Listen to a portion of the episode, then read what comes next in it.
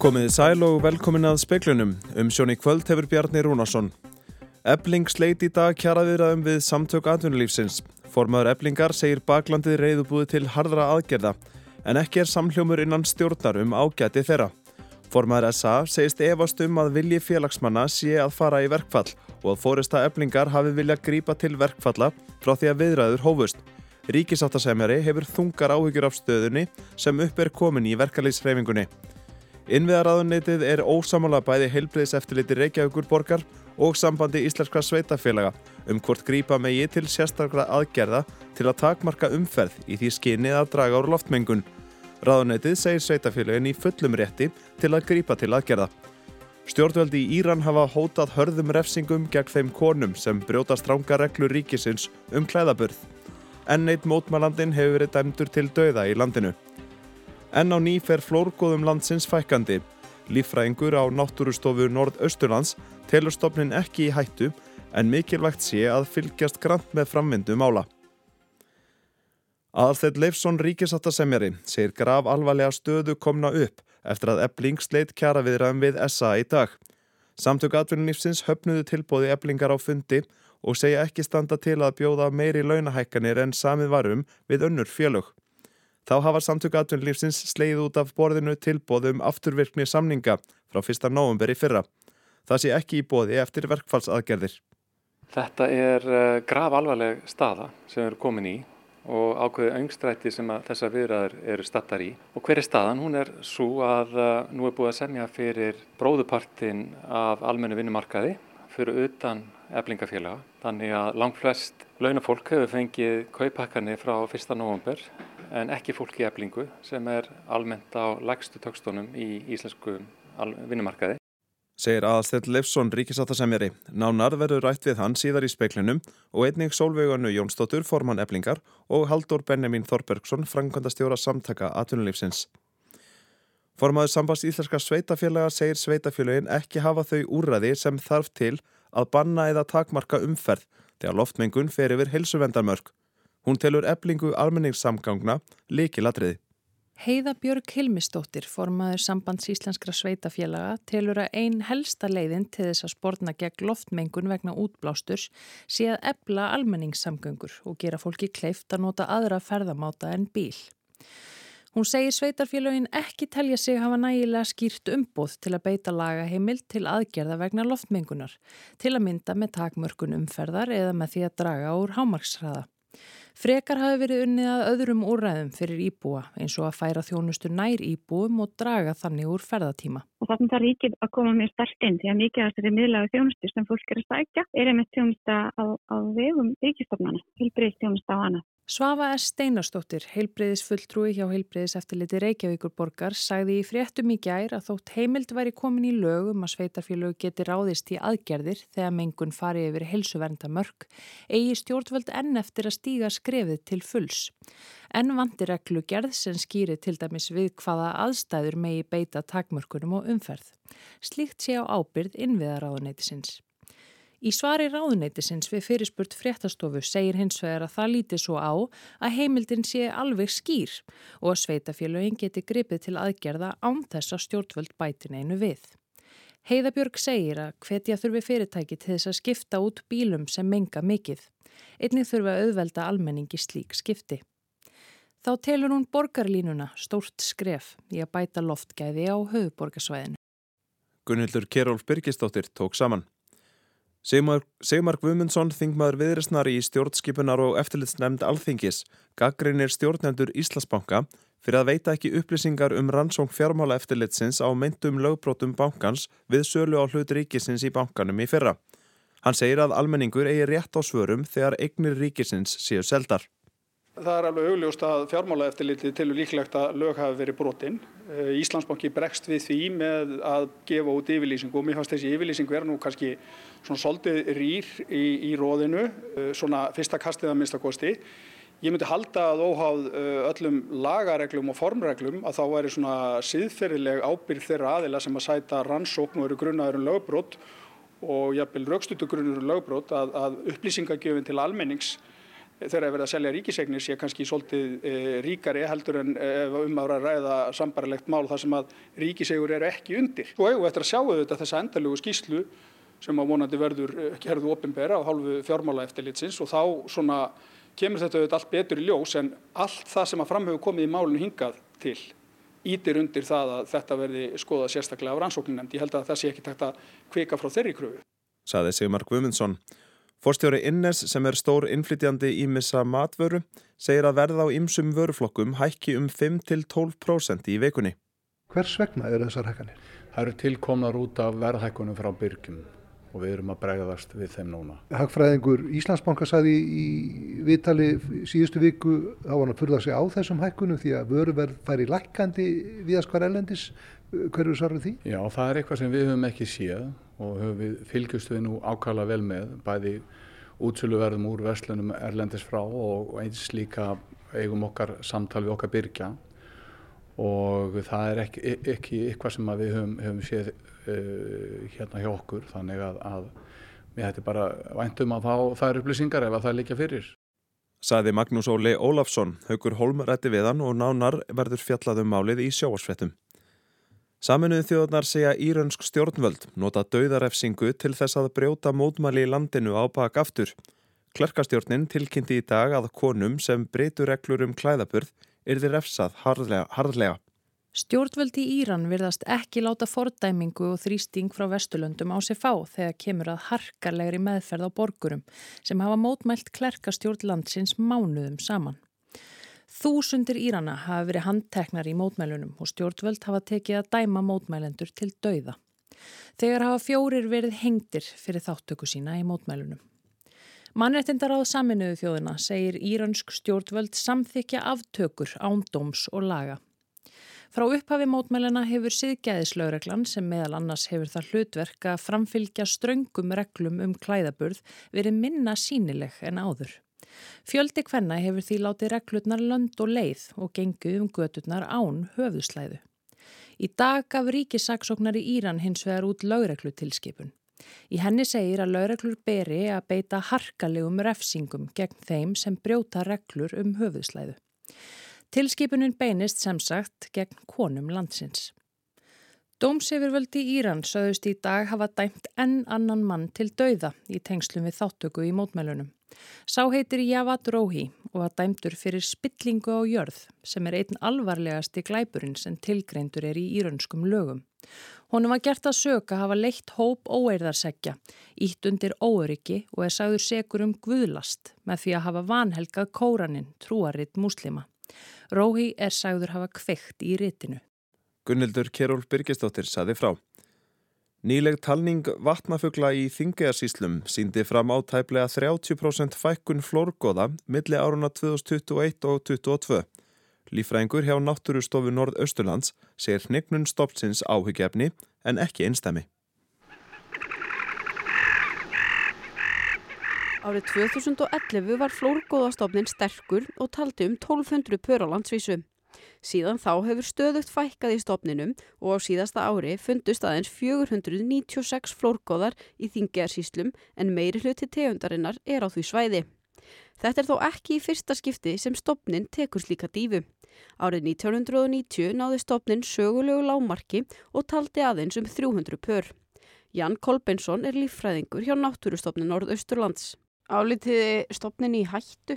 Ég myndi nú sannlega ekki segja það að svo stöndu en þetta er staða sem þarf að fylgjast mjög náið með ef þetta heldur svona áfram í nokkur ár til viðbútar þá, þá hérna er þetta orðið svolítið aðvalegt. Jan segir næsta skref er að endur taka stoppstærðar úttækt á landsvísum til að meta stöðu stoppsins í heild og breytingar millir landsluta. Í framhaldi af því mætti reyna að rannsaka hvað veldur fækkuninni. Breytingar á minkastofninum og fæðu frambáði flórgóða á varptíma eru hugsanleir áhrifavaldar. Út frá því sé mögulega metið hvort hægt sé að spórna gegn áframhaldandi fækkun flórgóða. Amanda Guðrún Bjarnadóttir tók saman og rætti við Jan Kolbensson.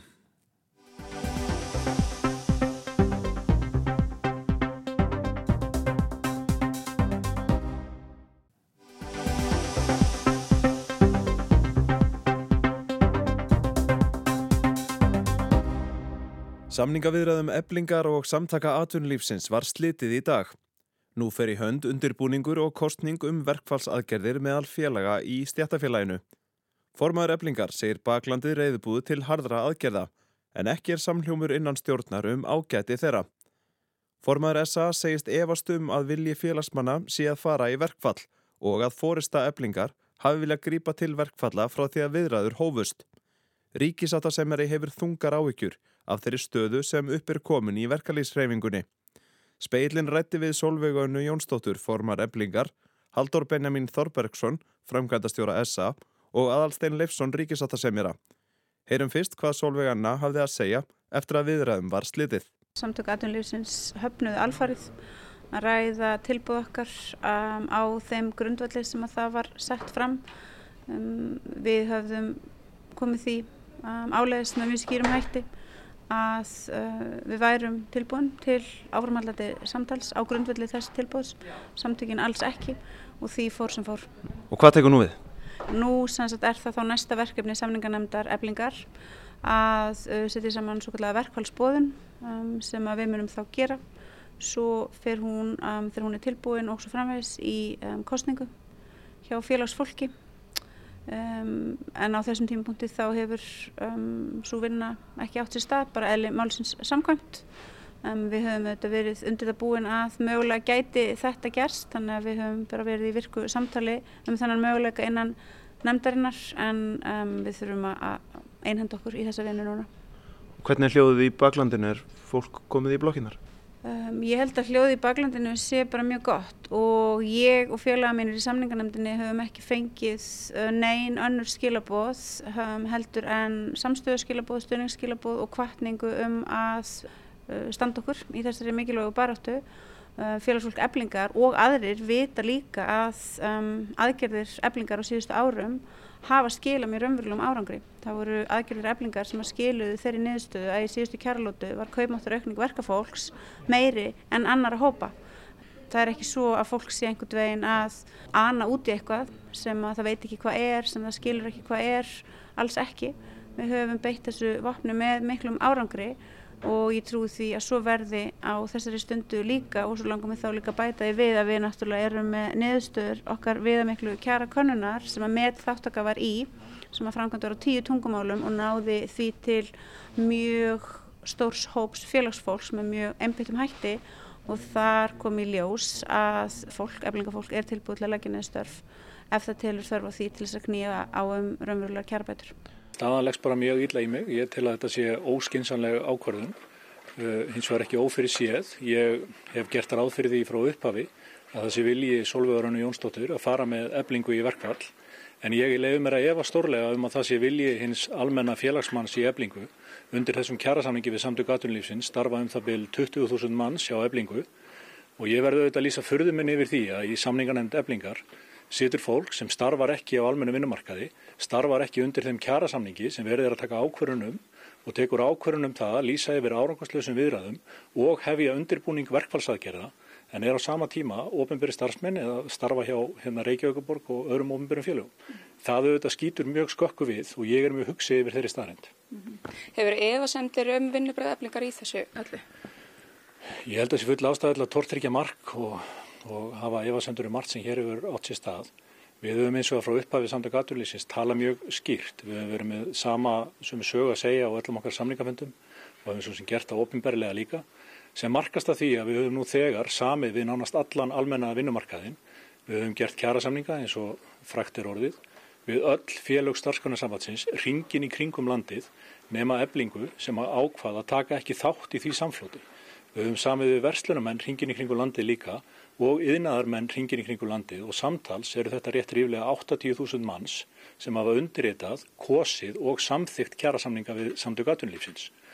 Og þú aðtöður á þeim grunni liggur trúnaður samtök aðtunlífsins hjá þessu fólki sem verður að geta treyst því að þeirra kjærasamningur eru undirritaði við samtök aðtunlífsins að samtök aðtunlífsins mun ekki snúa sér við og gera annan kjærasamning með rýmri launahækunum við næsta samningsaðila Það er þau uppskriftin að einu svo kallað höfrungalhaupi á vinnumarkaði sem að litaði ja, kjærasanniskerð á 7., 8. og 9. áratug síðustu aldar og við viljum alls ekki fara aftur á þann stað. Mm -hmm. Til að það hafi verið verkfallshaugur í eflingamönnum allt frá upphæði þessara viðræðna? Mín skoðan er að svo sé og ég einfallega horfi yfir farin veg, ég horfi yfir síðustu deilur sem að efling hefur verið í og við auðvitað gerum um það beil 130 kjærasamlinga hjá samtökum maturlýfsins. En viðræður og samtal við eflingu er á allt öðrum stað en gagvart öllum öðrum viðsemyndum okkar. Og ég hef tekið eftir því eins og margir aðrir að fjöldi aðila innan úr verkalýsreifingunni hefur stíð fram á síðustu dögum og líst mikill í förðu gagvart ófrávíkjalögum kröfum eblingar meðal annars um það sem ég hef kallað ógeðfelta kröfu að fara að draga íslensku þjóðina í dilka og borga mismunandi laun eftir því hvort fólk starfi í Reykjavík eða á landsbyðinni. Yfir þá línumunu samtöku aðtunlífsins aldrei stíga og get ekki stíð og það er eitt af því helsta sem steitti á hér í dag. En þið höfnuðu þessu tilbóði eflingar, eh, er svona langt á milli? Það er mjög langt á milli og við getum til dæmis í þessu tilbóði eflingar með því að nota einfalda tölur. Það má færa rauk fyrir því að kostnadarmat tilbóðseflingar sé nálega tvöfalt kostnadarmat þess sem við sömdum um með vaffer og verslunamönn hér í aðdraganda jóla. Þannig að bilið er mjög mikið og jápil þótt að efling hafi orðaða með þeim hætti að þau var að koma til móts við samtök aðunulífsins þá hefur við mjög erfitt með að sjá að, að það hefur verið eftirgjöf af þeirra álfu. Mm -hmm. Hefur það komið til umræðina að atvinnureikandur grípi til eigin aðgerða? Það er ákveðin samkverfa sem er tryggð í vinnulögjöfinni og auðvitað mun það koma til álita að samtök atvinnulífsins sem að verða að virða þennan trúna við þá viðsemindur sem við höfum þegar sami við og auðvitað okkar umbjóðundur sjáð sem er Íslandst atvinnulíf og fyrirtæki í landinu að við munum já, nýta þau úrræði sem vinnulögjöfin býður upp á til þess að tryggja farsæla niðurstöðu í þessu máli á þess að ég ætla að úttala mig um það núna svo á fyrstu stegum þessa. Þannig að gæti jafnvel komið til vinnubans? Ég ger að fyrir að þú setja að vísa til verkbans og það getur vel verið að við munum skoða þær útferðslur. Hins vegar er aðaladriðið þetta að verkefnið hér fyrir ekkert frá okkur. Það að ebling hafi kosið í mínum huga af misránum hug og Solveig lísti því yfir að hér var ekkert frekar að ræða á fundinum. Ég til að þetta hefur afskaplega misráðin ákverðun og mér er verulega efs að þetta sé vilji hins almenna félagsmanns í eflingu. Líðræðisjóðu er upplögast af sem við eigum og ég hef tekið hatt minn ofana fyrir SGS félagunum, fyrir verslunumanna félagunum og yðnaðamannum sem kursu að nýta líðræðið og spyrja sitt félagsfólk í gegnum atkvæðagreyslu um hvort þau vildu samþekja eða hafna þeim kjærasamningum sem að undirritaður voru við samtöku aðtunlífsins og ég hef talið mjög góðan brag á því að áður en að ebling stýgur þetta skref að þau ættu að kanna hug hins almenna félagsmanns hjá eblingu til þessa kjærasamnings og mín tilfinning er svo að yfirgnæfandi meiruliti eblingarfólks myndi samþykja þann kjærasamning og þar með tryggja sér sjáðu. Það er afturvirku hækkanir til 1. november sem ebling því meður er að gera samtökum matunlífsins afar erfitt fyrir um vik að framkvæma með því að lýsa yfir árakoslösum viðræðum og hef ég undirbúning verkfalla eins og þau orðuðu það sjálf hér áðan. Já, Alsteit, hvernig blasir þessi niðurstöða? Hvernig blasir hún við þér? Þetta er grav alvarleg staða sem við erum í núna. Ef við horfum á þetta í starra samhengi að hér hafa náðst samningar á almennu vinnumarkaði sem ná yfir bróðupartin af vinnumarkaðinu. Einu stóru hópur sem stendur eftir er ebling. Þannig að að það hafa hartnær allir aðrir en ebling fengið kjærasamning og launahækkanir frá 1. november á síðast ári og eblingar fólk sem almennt raða sér í lægstu launaflokkana situr eitt eftir. Staðin er líka svo að á meðan að ekki tekst að ná virkara og betra samtali og betri grunni til þess að finna sameigilega lausnir að þá að sjálfsögðu dýfkar deilan sem hefur áhrif á eflingafólk, sem hefur áhrif á fyrirtækin, sem fólk starfar hjá og sem hefur áhrif á samfélagið allt. Ég er mjög ávikifullur yfir þeirri stöðu sem kominur upp. Og hver er svona staða eflingar núna í viðræðunum já, í framhaldinu? Nú eh, er niðurstað fundarins í dag að eh, viðræður hafa orðið árakuslausar. Efling lýsi því yfir og uh, þá hljóttum við að taka eitt skref tilbaka og velta fyrir okkur hvaða möguleik og tækifæri er til staða til þess að ná samtalenu aftur upp það sem að gerist þá er, er erfitt að segja en, en einlega er svo að það verða eins og Ebling hefur sagt frá undirbúnar aðgerðir og þá er spurningin hvað áhrif hefur það og uh, ég minna sjálfsögðu leitast við eftir fremsta megni að uh, fá aðila aftur á borðinu þegar að minnsta tækifæri gefst til þess og nýta hverja vona glætu til þess að, að reyna að fá upp virt og gott samtal aftur. En eins og staðin er núna að þá er ekki til spílanum sem bendir þess að það náist í bráð. Aðtegli vakti að reytara eblingar, Ólifu Helgu Adolfsdóttur, var ekki bóðið að taka þátt í viðræðunum í dag á milli eblingar og SA á vettvangi viðræðu nefndarinnar. Ég spurði Solveig önnu út í það og rætti einnig við Ólifu Helgu. Reytari félagsins, Ólifu Helga Adolfsdóttir, hún fekk ekki að vera inn á, inn á fundunum, hvers vegna ekki? Já, hún var ekki í þeirri viðræðu nefnd sem að hér fór inn á fundin. En er ekki eðlilegt að reytari fjölsins hafi aðkoma því? Um, hún er ekki í þessari viðræðu nefnd sem að skipu var upp úr samningarnefndinni, nei, það hefði ekki verið þá eðlilegt ef hún hefði komið verandi ekki í viðræðu nefndinni. Mm -hmm. Það var aðtöklu okkar að þú fegst ekki að taka þátt í fundunum, hvers vegna ekki? Ég, mér skildist það á solvu að hérna, eftir ég mætti á fyrsta fundin hérna í Ríkisáttsamjara að þá, út, þá gerðu þau eitthvað plan til þess að halda mér utan við reynurlegu samningarnemdina þannig að þau ákvaða að búa til svona ákveðna viðræðu nefnd sem er enn og aftur handvalið fólk úr samningarnemdini sem fær að sitja við borðið með uh, á móti sam, samtökum aturlýsins þannig að ég og, og nokkur aðrir erum í sérstöku herbyggja þar sem að heildar sam, uh, samningarnemdin er Og hvað finnst þér um það? Um, mér finnst það náttúrulega leiðilegt og hérna en svo sem kom ekki þetta óvart hún hérna leitar allra leiða til þess að fara fram hjá lögum eblingar uh, og reglum og, og fer fram reynir að komast hjá því að þurfa að hlusta á félagsmenn sem eru ósamalunni mér finnst það rosalega leiðilegt því að ég veit að, að, að það eru félagsmenn sem eru samálu mér og hérna ég vil að, að okkar rött heyrist uh, innan samningarnemndarinn og innan eblingar og hún vil ekki heyra það Hún talar um að það sé fullur stuðningur í baklandinu við þessum verkfarsaðgerðum. Hvernig horfið það við þér? Já, hún hefur bara fullan stuðning frá sínum stuðningshópi. Uh, en það er ekki allir félagsmenn eflingar. Uh, hún er með mjög ákveðin afmarkaðan hóp félagsmanna sem er tilbúið til þess að fylgja henni bara út í dauðan þess vegna. En hérna almennir félagsmenn eru kannski ekki eins spenntir fyrir þessu. En eins og segja það er náttúrulega við erum kosum verkvöldin og hérna þá er bara að að hvetja fólk til þess að kjósa. Nú búið að slíta viðræðum. Hvernig, hvernig horfir þetta við þér? Um, ég er ósumala á hérna, ákvörðunni og ég er já, ég hef pínu ágjör á því að fara í verkvöld núna fyrir þetta stuttan samning.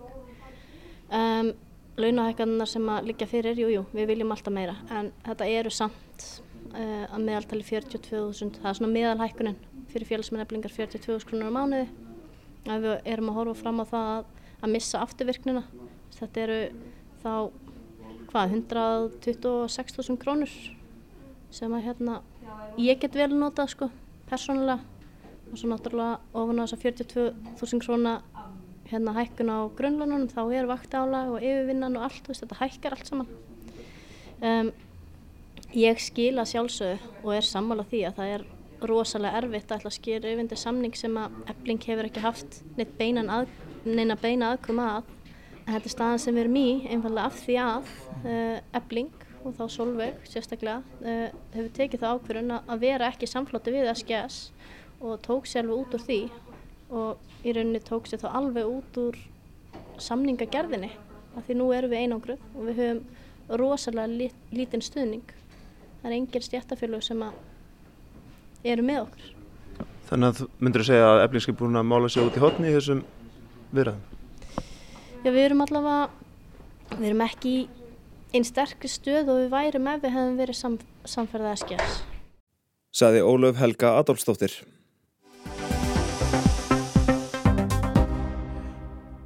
Forsetakostningar verða í Tyrklandi í júni. Recep Tayyip Erdogan hefur löngu líst því yfir að hann sækist eftir endurkjöri. Óvist er um mótfram frambjóðendur. Sá sem helst var búist við að myndi veita honum samkjafni er komin í fangelsi og hefur verið bannað að taka þátti í stjórnmálum. Skipst hafa á skín og skúrir í Tyrklandi frá því að Recep Tayyip Erdogan komst til valda fyrir 20 árum. AKP, réttlætis og þróunarflokkur hans, flokkur hófsamra íslamista, vann hreinan meiri hluta í þingkostningum haustið 2002 og Erdogan varð fórsættisir á þar á útmánuðum árið á eftir. Hann hefur verið óslitið við stjórnvölinn síðan þá. Fyrstu árin var stjórnmálalífið í Tyrklandi nánast óþekkjanlegt frá því sem síðar varð. Veraldarhyggjan var allsráðandi. Stjórnvöldu lögðu sig fram um að laða að erlendar fjárfestingar. Þá lögðu þau á það áherslu um árabil að fá aðild að Evrópusambandinu. Flera mætti nefna. Beinar viðræður voru hafnar við herskáa aðskilnaðar sinna í PKK, verkamannaflokki Kurda. Konum var heimilað að stunda háskólanám, ganga í herin og sinna ofinbjörnum störfum þóttar bæðu höfuðslæður muslimakvenna. Stjórnvöld heimiluðu meira að segja gleðigöngu samkynneigðra í Istanbul þar sem hátt í ein miljón samkynneigðra, vina þeirra á vinkvenna, fyllt í stræti og torg borgarinnar. Þá voru Tyrkir fyrstir þjóða til að fullgilda sáttmála Evrópuráðsins sem miðar að því að draga úr heimilisofbeldi og ofbeldi gegn konum. Sáttmálinn er yðurlega kentur við Istanbul. Fyrstu árin eftir að Erdogan og flokkur hans komust til valda var líðræði í hávegum hafti í Tyrklandi. Forsættis ráþarann var þjóðarleitói með meiri hluta þings heims á bakvið sig. Þingið kaus forsætta landsins sem hafði til þess að gera lítil völd. Árið 2007 lagði Erdogan hins vegar til að emtirði til þjóðratkvaðagreðslu um að forsetin erði kjörinn í beinum kostningum. Svo varð raunin og árið 2014 varð Erdogan fyrsti þjóðkjörni forseti Tyrklands. Fljótlega eftir þetta fór það halla undan fæti og sérilagi sumarið 2016 þegar tilröðin var til stjórnarbyltingar misefnaðist. Forsetin líst yfir neyðar ástandi og mánuðin á eftir voru 20.000 landsmanna handteknar. Opinbarlega var fólki sakað um að stiðja muslimaklerkin Fethullah Gulen fyrirverandi samherja Erdóans sem hann fullirti að hefði staðið á bakvið valdaráns tilraunina. Hins vegar virtist næja að fólk gaggrindi aðgerðir fórsetans og hans nánustu samstarfsmanna til að það endaði bakvið lás og slá. Sumarið 2021 tilkynnti Erdogan síðan að Tyrkir sagðu sig frá Istanbul samkómuleginu sem verndar konur gegn ofbeldi. Evrópusambandið og stjórnvöldi í bandaríkjónum fordæmdu þá ákvarðun. Þjóðlífið í Tyrklandi er sem svart og hvitt. Hvítutyrkirnir sem svo eru nefndir búa flestir í borgum. Þeir aðhyllast veraldarhyggju og vesturlandavæðingu kemalismans svo nefnda sem Kemal Atatürk, fadir Tyrklands nútímans, innleti með valdatöku sinni á þriðja áratugaldarinnar sem leið. Svörtu tyrkirnir búa á landsbyðinni og til sveita. Þeir eru sagðir íhaldsamir, margir strángtrúaðir og illa mentaðir. Þessi hópur taldi sig afskiptan áður en Erdogan og AKP-flokkur hans komust til valda. Sjálfur telur fórsetin sig vera í hópi hinn að svörtu þóttu gaggrinn endur hans segi að hans í laungu búin að færa sig yfir í hinn hópin. Almennt var talið að fórsetakostningunum sem framfara 18. júni ætti Ekrem Imamoglu borgarstjóri í Istanbul eftir að veita Erdogan fórseta harða samkeppni. Líkast til verður lítiður henni þar sem borgarstjórin var í síðasta mánuði dæmdur í tæplega þryggja ára fangelsi fyrir að hafa farið niðrandi orðum um ofinbera ennbættismenn. Honum er að auki bannað að taka þátt í stjórnmálum. Ímamóglu varðu það á að segja að landskjörtstjórnin í Tyrklandi var í skipuð fýblum. Áfríunaréttur á eftir að taka fyrir niðurstöðu lagra dómstigs en þar sem dómstólar í Tyrklandi eru sagðir fara að vilja fórsittans í dómum sínum eru litlar líkur á að niðurstöðunni verði snúið við. Það var Ásker Tómasson sem saði frá. Það var helst í speiklunum í kvöld að ebling sleit í dag kjara viðræðum við samtök atvinnulífsins. Formaður eblingar segir baklandið reyðbúið til hardra aðgerða en ekki er samhljómur innan stjórnar um ágæti þeirra. Formaður samtaka atvinnulífsins segist efast um að vilji félagsmanna eblingar sé að fara í verkfall og fórista félagsins hafi vilja grípa til verkfalla frá því að viðræður hófust. Ríkisáttasemeri hefur þungar áhugjur af stöðunni sem upp er komin í verkefliðsreifingunni. Innviðaráðnitið er ósamala bæði heilbriðs eftirliti Reykjavíkur borgar og sambandi íslenska sveitafélaga um hvort grípa megi til sérstakra aðgerða til að takmarka umferð í því skyni að draga úr loftmengun. Ráðunetið segir sveitafélagin í fullum rétti til að grípa til aðgerða. En á nýfer flórgóðum landsins fækandi, lífræðingur á náttúrustofu Norðausturlands telur stopnin ekki í hættu en mikilvægt sé að fylgjast grant með framvindu mála. Það er ekki fleira í speklinum í kvöld. Tæknum aður var Markus Hjaldarsson. Verðið sæl.